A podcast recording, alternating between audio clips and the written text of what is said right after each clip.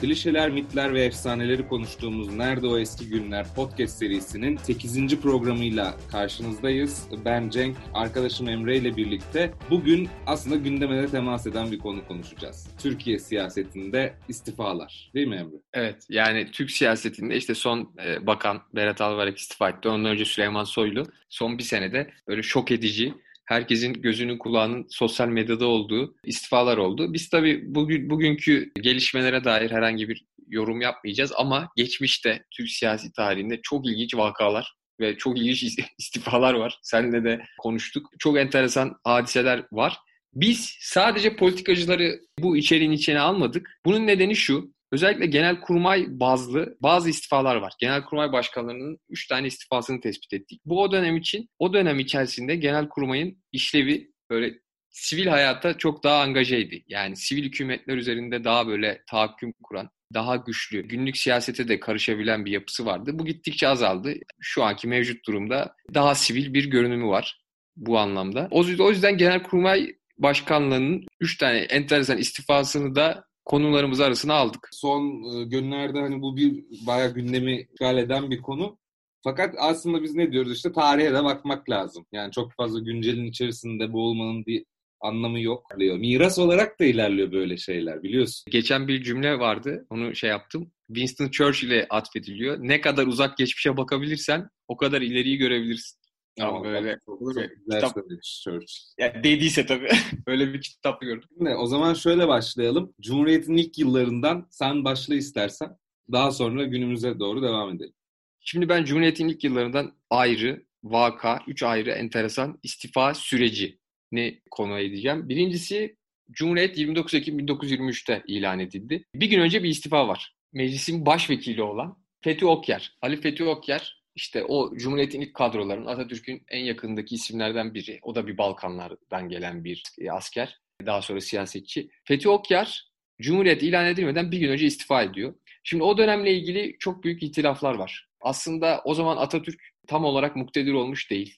Hala orada bir gücünü tam olarak konsolide etmiş durumda değil ve dava arkadaşlarıyla sürtüşmeler yavaş yavaş başlamış durumda. Bazı konular var, temel konular. Özellikle Lozan Anlaşması noktasında bazı anlaşmazlıklar var. Rauf Orbay'la, o dönemin yine güçlü isimlerinden biriyle e, bir ihtilaf var. Hatta Atatürk'ün işte Lozan'a baş yani Lozan'a baş yönetici olarak İsmet İnönü'yü atamasının da işte Rauf Orbay ve diğer Lozan Anlaşması'nda başka tarzda bir yaklaşım farkına işaret ettiği söyleniyor. Yani orada iki farklı görüş olduğu söyleniyor. E, oradan başlayarak bir gerilim var.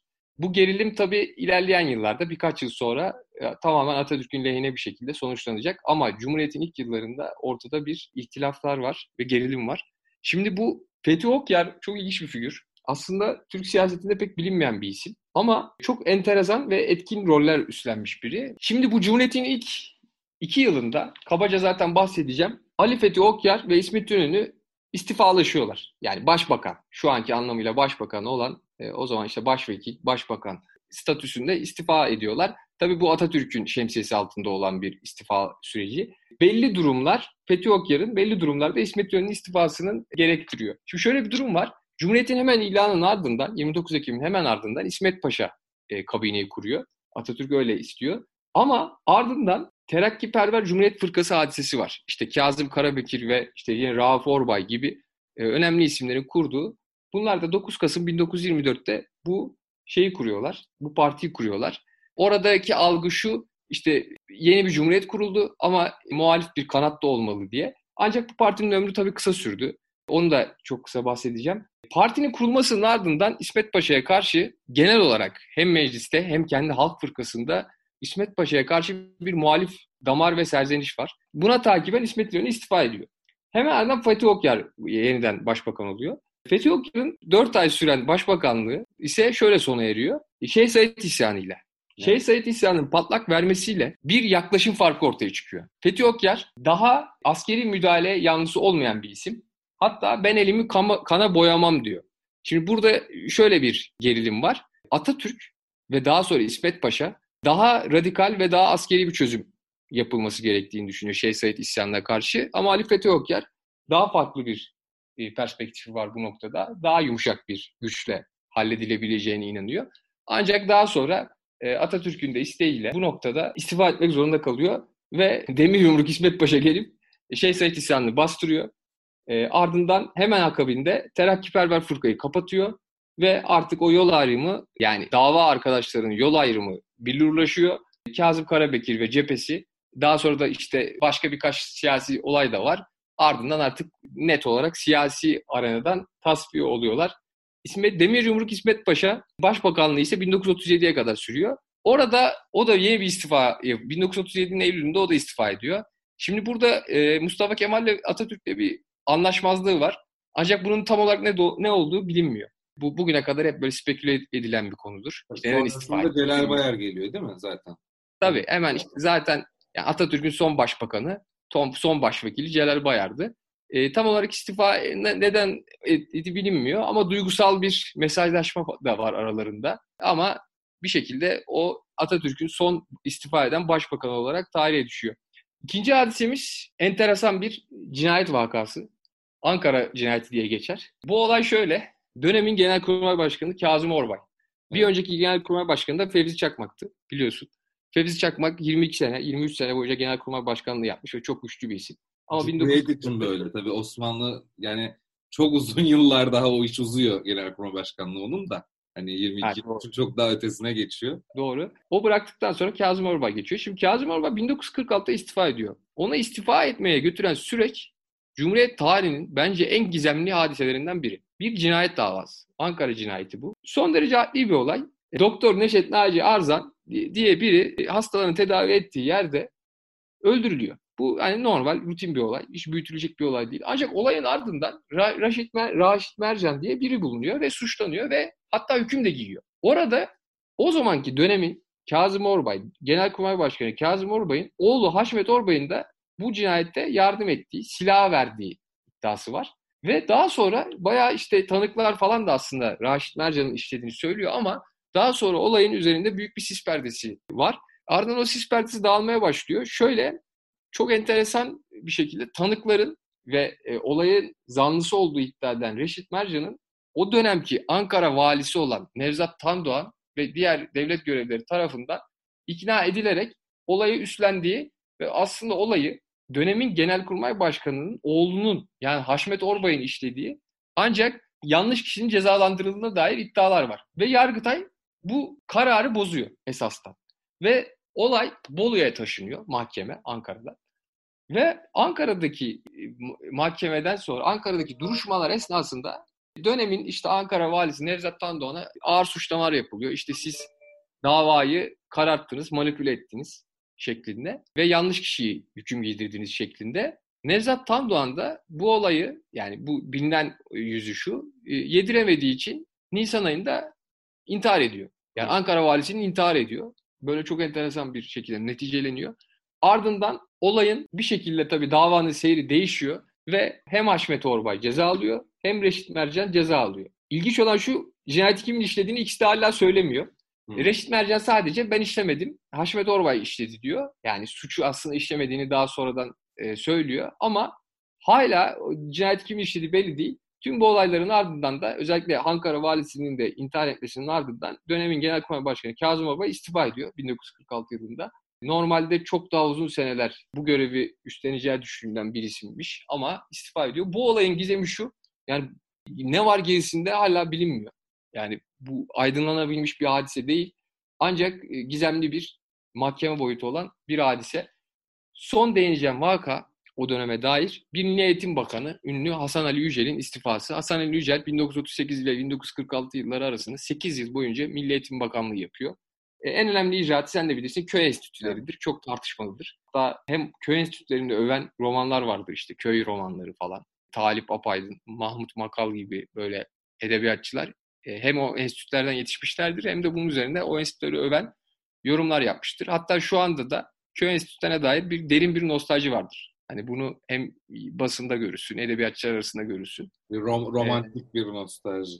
Romantik bir nostalji vardır. Bunun yani bu köy enstitülerinin kurulmasında ve daha sonra işte icra, tatbik edilmesinde ki isim Hasan Ali Yücel. Şimdi Hasan Ali Yücel o dönem şöyle enteresan bir özelliği var. Komünizm suçlaması yapılıyor. Yani sen işte köy enstitüleri özne ama sadece tek sebep bu değil ama özellikle yeni kurulan Demokrat Parti ve kendi Cumhuriyet e, Halk Partisi içinde de muhalif kanadı, ona muhalif olan kanat bayağı enteresan mahkeme süreçlerine de yol açacak daha sonra zaten.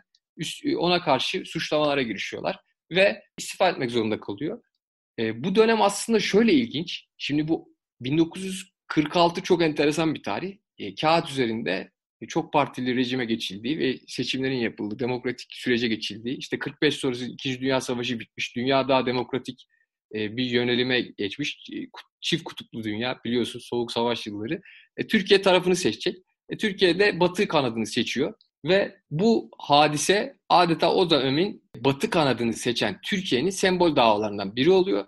E, o döneme dair şöyle karşı devrim derler ya Kemalistler. Evet. Özellikle şu an old school Kemalistler hep şey diyor işte karşı devrimin başladığı tarih diyorlar 1946. Şöyle bir damar vardır Türkiye'de bu arada. Atilla İlhan da bunu desteklerdi. Onlar Atatürk devrimleri yaptı ancak İsmet İnönü erozyona uğrattı. İsmet İnönü'ye sen karşı devrimleri başlattın. Adnan Menderes ve işte Demokrat Parti ve daha sonraki tüm süreç onlar için karşı devrimdir. Olumsuz anlamda e, vurgularlar başlatan adam İsmet İnönü'nün yaptığı yanlış tercihler, yanlış seçimler, yanlış icraatlar derler. O dönemdeki simge isim de Hasan Yücel'dir. Hatta şöyle diyor derler. Sen Hasan Yüce yedin. Yani İsmet İnönü sahiplenmedin kardeşim. Hani gibi bir eleştiri yapıyor. ortasına attın ve adam da istifa etti artık yani. O, o dönem için zaten Demokrat Parti geliyordu yavaş yavaş. Bu sürece Aynen. yolda elendi. Son notum da şu Hasan Yücel ile ilgili. Hemen istifasının ardından Demokrat Parti İstanbul İl Başkanı'nda bir davası vardır. Çok efsanevi. 1947'de e, başlar. Birbirlerine bayağı suçlamalar falan yapılıyor. Öyle enteresan. O dönemin ruhunu da anlayabileceğimiz bir e, serencam diyebiliriz. Evet, Cumhuriyet e, tek e, çift e, demokrasiye geçtik. Yani, Çok partili geçtik. Sonraki yıllarda biraz 70'lerin sonlarına gidelim. Şimdi araştırmalarımızda biz bir dizi istifalar gördük 70'lerin sonlarında. Şimdi bu nedir? Aslında İçişleri Bakanlığı üzerinde tabii o dönemde odaklanıyor. Neden öyle? Şimdi 1977 yılında İrfan Özaydınlı İçişleri Bakanı. Şimdi İrfan Özaydınlı kimdir? Aslında Cumhuriyet Halk Partisi işte hükümetinde İçişleri Bakanı olduğu biliniyor. İrfan Özaydınlı aslında askeriyeden gelme bir adam. Hava kuvvetlerinden gelme bir orgeneral. İrfan Özaydınlı daha sonraki yıllarda bu Maraş olaylarından sonra yani 1978'deki Maraş olaylarından sonra istifa eden bir figür.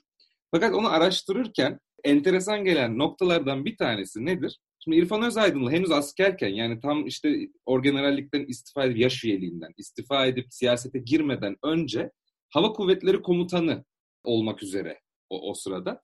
Bir önceki Hava Kuvvetleri Komutanı da Emin Alpkaya. Şimdi Lockheed şirketi vardır bilirsin. Bir savunma şirketi. Şimdi Lockheed e, rüşvet soruşturması diye o dönemler bir soruşturma var. Dönemin Hava Kuvvetleri 1976 yılında Hava Kuvvetleri Komutanı e, Orgeneral Emin Alpkaya bu soruşturmadan dolayı istifa ediyor. Şimdi önceki adam da Hava Kuvvetleri Komutanlığından istifa etmiş. E, İrfan Özaydın'la onun yerine geçecek aslında. İşte o dönemler Demirel hükümeti var ve şey yapmıyor, çok istemiyor Özaydınlı'yı. Bundan dolayı da Özaydınlı tabii bir şey olarak ne yapıyor? İlk başta yaş üyeliğinden istifa ediyor. Askeriyeden kendi isteğiyle istifa ediyor. Ve daha sonra e, siyasete giriyor. Siyasete girdiği gibi de zaten e, hükümetin, kabinenin Cumhuriyet Halk Partisi tarafından kurulmasıyla birlikte İçişleri Bakanı oluyor. Fakat bu 78 işte Maraş olaylarından sonra da adam bakanlıktan da, İçişleri Bakanlığından da istifa ediyor. Orada bir sorumluluk yükleniyor. Diyor ki ben bu noktada istifa etmeliyim. 1980 ihtilalinden 11 ay kadar önce enteresan bir gelişme var. Nedir o? Bu bahsettiğimiz İçişleri Bakanı İrfan Özaydınlı'dan sonra İçişleri Bakanı olan Hasan Fehmi Güneş. Şimdi İçişleri Bakanı Hasan Fehmi Güneş de istifa etmiş bir e, politik figür. O çok daha enteresan. Herhangi bir siyasi bir sorumluluk üstlenmek veya e, siyaseten daha e, profesyonel bir sebeple istifa etmekten ziyade bir aşk e, magazinler. tabii, tabii. o, tam, o dönemin en ünlü aşk skandalı. O dönemin en ünlü aşk skandalı bir aşk skandalıyla e, istifa ediyor. Şimdi Hasan Fehmi Güneş İçişleri Bakanlığı'nı sürdürürken 6 ay kadar Aynur Aydan isimli bir sinema sanatçısı ve şarkıcı aynı zamanda Aynur Hanım'la bir aşk yaşıyor. Bu aşk hikayesi o dönemde gazetecilerin işte fotoğraflaması sonucu gazetelere, pazar gazetelerine yansıyor. Bunun üzerine de Hasan Fehmi Güneş ist- direkt istifa ediyor. Yani hatta yani. çok fazla şimdi yorumlarda şey var. Yani adamı överler bu noktada. Şimdi seveni de çok. Şey derler yani bu kadar hani normalde istifa edilmezdi belki ama o dönemde böyle bir şeyden ötürü. Adam bunu bile hani ben görevimi yeterince sürdüremem diye kabul etti deniyor. Şimdi Hasan Fehmi Güneş'in bu istifasıyla ilgili tabii bu, bu dönemde de bu güncel istifalarda da ne oluyor? İşte sosyal medyada çok fazla görüyoruz. Bir sürü komplo teorisi ortaya atılıyor. O dönem için konuştuğumuzda Hasan Fehmi Güneş olayına odaklandığımızda onunla da ilgili, onun istifasıyla da ilgili bazı komplo teorileri var. Yani meselenin aslında bu aşk skandalından daha ötede bir şey olduğu ile ilgili. O hikayede şununla alakalı. Şimdi o dönem Çorum ve Amasya'da Robert Alexander Peck isimli bir CIA ajanının faaliyet yürüttüğü, özellikle Aleviler üzerine bir takım araştırmalar yaptığı, faaliyetler yürüttüğü söyleniyor. Hasan Fehmi Güneş'in de bakanlığı döneminde bu CIA ajanının üzerine çok fazla gittiği, işte onun artık yani operasyonunu sonlandırma durumunda bıraktığı. Bundan sonra da Aynur Aydan'ın bir şey operasyonuyla yani bir bal tuzağı e, Aynen bal tuzağı diyorlar. Evet, bir operasyonla ona gönderildi söyleniyor. Şimdi ileriki yıllarda Aynur Aydan şimdi hala daha tabii yaşıyor. Biraz yani yaşlandı tabii kendisi. Çok fazla röportaj veriyor. Şimdi ya verdiği röportajlarda da hep bunu Aynur Aydan dillendirir. Yani der ki benim için işte şu istihbarat teşkilatının elemanı, bunun elemanı derler. Ben sadece Hasan Fehmi'yi sevmiştim diye böyle olayı romantize eden. Hatta e, Hasan Fehmi Güneş'in son yıllarında bile hani bugün çıkıp gelse yanıma onunla evlenirim diyen bir kadın. Bu arada kadın bir dönemde Tarabya Spor Kulübü başkanlığı falan da yapıyor. Enteresan bir kadın. Sosyal, aynen sosyal de bir insan. Bir sonraki e, konu 80'ler. Tabii darbe oluyor. Hatta şimdi bu arada şunu da tamamlayalım. Sürekli Aynur Aydan'a gazeteciler şu soruları soruyorlar. Şimdi bakan düşüren kadın diye ünlü oluyor. Şimdi lakabı o oluyor. Aynur Aydan'a diyorlar ki sizin sizin bu aşk hikayenizden sonra Hasan Fehmi Güneş istifa etti. Daha sonra terör olayları çok fazla arttı o dönemde. 79 yılı bu arada istifası. Terör olayları artıyor. 11 ay sonra da 12 Eylül ihtilali geliyor. Şunu söylüyorlar. Siz politik bir işte şeyler hani e, güvenlik krizleri, politik krizler zincirini başlatan işte halk, ana halkadasınız. Ne diyorsunuz diye soru soruyorlar da. Yani Aynur Hanım'ın öyle bir şeyi yok yani. Öyle bir bakış açısı da yok çok fazla. Derdi de yok. Bir diğer yandan şunu da vurgulayalım. Onu da söyleyeyim. Bu 1980'e bilirsin Emre. 80 ihtilalinden hemen önce e, Türkiye'deki en büyük politik kriz neydi? Cumhurbaşkanı seçilememek. Tabii tabii. Yani Cumhurbaşkanı'nın görev süresi sona ermişti. Yeni bir Cumhurbaşkanı seçmek gerekiyordu. 6 ay sürüyor. Tabii tabii. Yani ve çok ciddi yüz, onlarca diye hatırlıyorum ben. Oylama turu yapılıyor mecliste. Tabii o dönemde çok fazla şey olmuştur. Şimdi hep söylenir bu. O kağıtlara, sandığa atılan kağıtlara sanatçıların isimleri işte Zeki Müren, Ajda Pekkan'ın isimleri bile yazılmış Cumhurbaşkanı adayı olarak. Aynur Aydın'ın da ismine iki kişi oy veriyor. Şimdi o çok ilginç. Yani 79 yılındaki bu hadiseden sonra bir sene sonra yani 12 Eylül'ün hemen öncesinde o Cumhurbaşkanlığı seçim krizinde Aynur Aydın'a da sandıktan parlamentonun içindeki sandıktan oy çıkıyor. 1980'lere gelelim. Özal iktidarı. Şimdi Turgut Özal tabii darbeden sonra işte 83'te tekrar demokratik hayata geçilmiş. Hükümet kuruyor. Şimdi bu hükümette petrol işlerinden sorumlu İsmail Özdağlar isimli bir devlet bakanı var. 1985 yılında bir rüşvet skandalı şimdi ortaya çıkıyor. Tabii bu rüşvet skandalı o dönem için çok fazla basına yansıyan bir skandal değil ilk başta. Bu Özal'a yani şöyle söyleniyor. O rüşvet meselesi İsmail Özdağlar'ın adının karıştığı rüşvet görüşmesi Adnan Kahveci tarafından Özal'a raporlanmış. Özal'ın prensi Adnan Kahveci. Adnan Kahveci. O dönemler danışmanı, özel danışmanı. Şimdi bu çok ilginç bir hikaye. İsmail Özdağlar petrol işlerinden sorumlu devlet bakanı iken o dönem Uğur Mengenecioğlu isminde bir dış ticaret yapan bir iş adamı var. Uğur Mengenecioğlu'nun da UM Denizcilik isminde bir şirketi var tabii hani gemi şey üzerinden hani taşıma yapıyor. Orada sanırım işte bir takım yakıt falan taşıması da var. Şimdi İsmail Özdağlar bu adamdan 25 milyon lira rüşvet istiyor bir işinin halledilmesi için.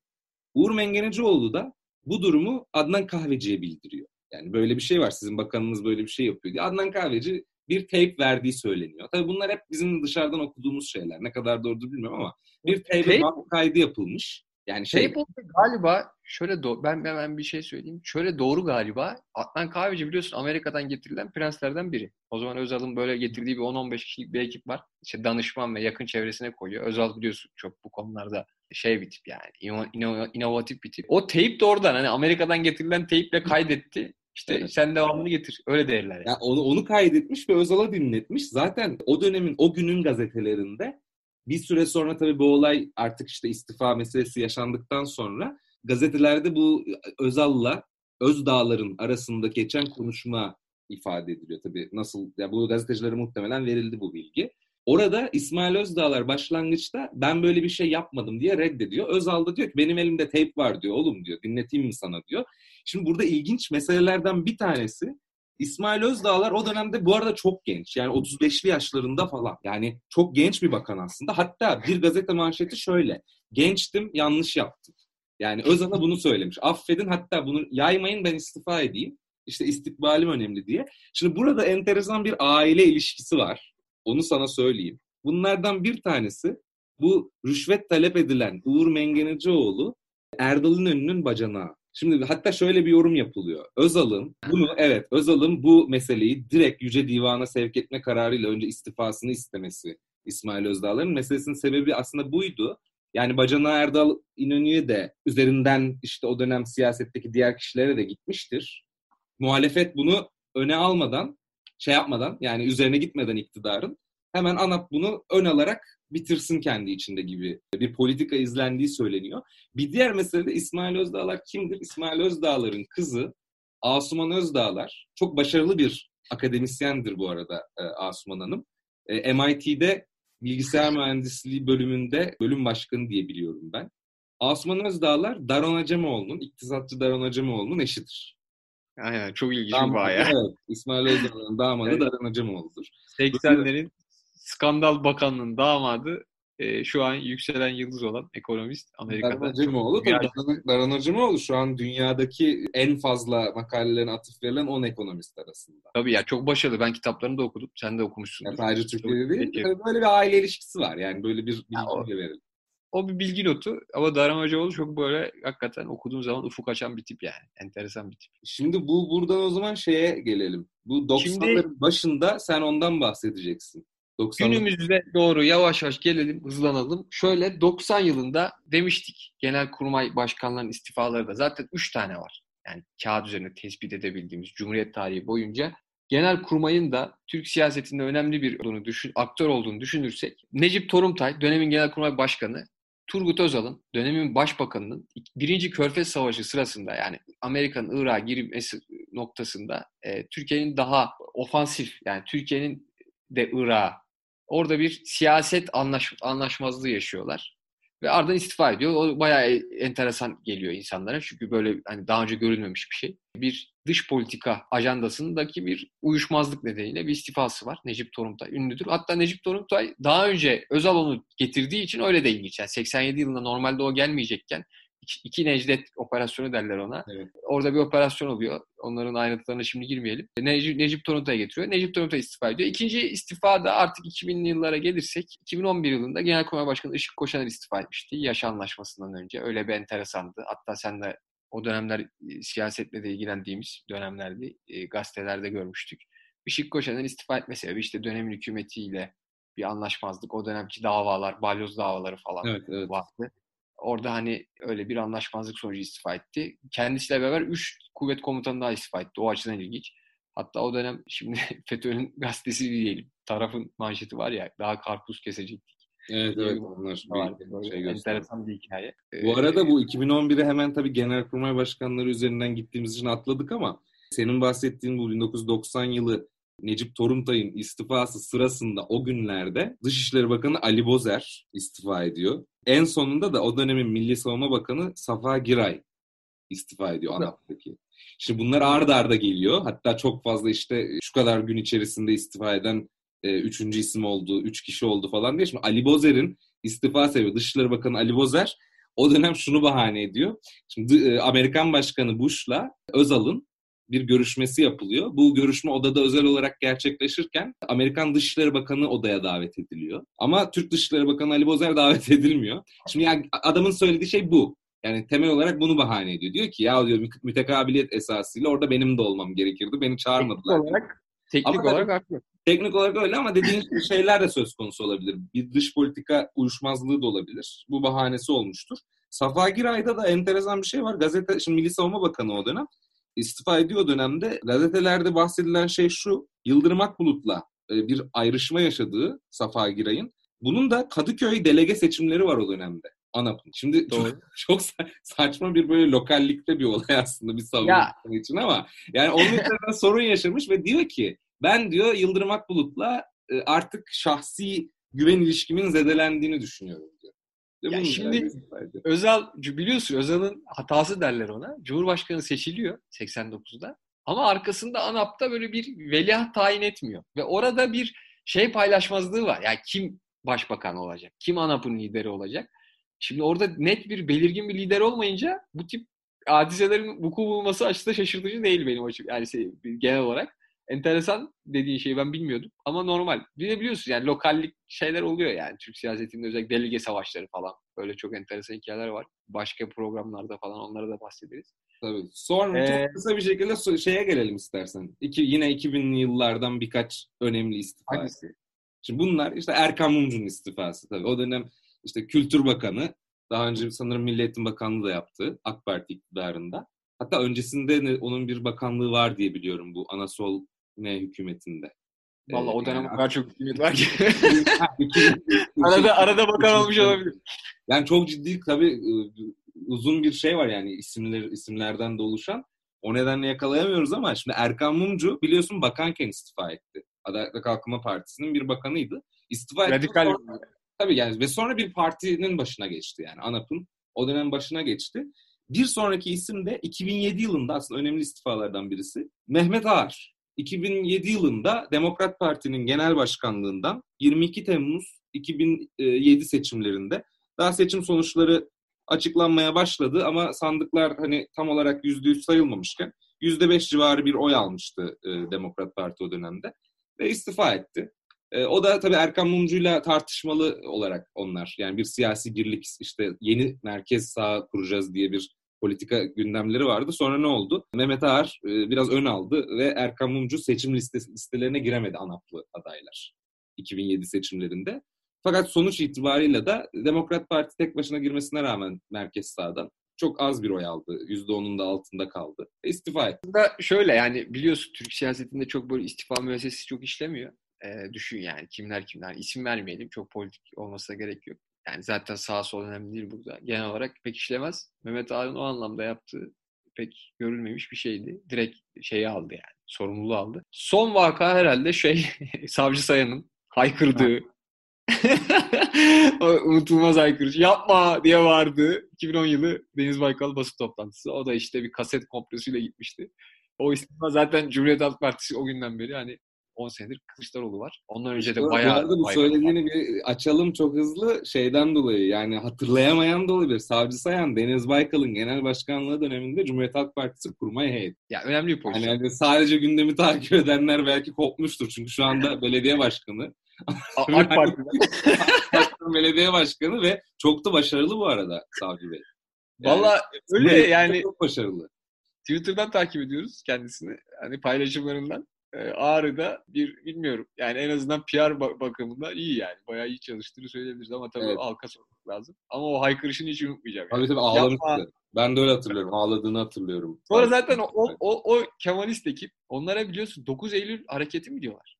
Öyle bir şey var biliyorsun. CHP içinde bir sürü isim ha, evet, var. Evet, o zamanlar evet. da vardı yani. E, o old school'lar tasfiye oldu sonra. İşte yeni bir yönetim, yeni bir tarz geldi. Şimdi eski hatta eski mensupların da şimdi böyle o dönemki yani Baykal ekibinin parti kuracağı falan da söyleniyor. Neyse bunlar dipnot. Ya şimdi şöyle Türk siyasetinde başka istifalar da muhakkak var. Biz de işaret ettik ama biz en, yine her zaman gibi en böyle konuşulmaya değer, yani en popüler olabilecekleri seçtik. Başka da muhakkak unuttuklarımız falan da vardır. Ama işin özü az çok böyle. Tabii çok ilginç hikayeler var. Vurguladık. Benden bu kadar yani. Başka ekleyeceğim bir şey yok şu anda. Çok teşekkür ederim Emre. Programımızın zaten sonuna da geldik.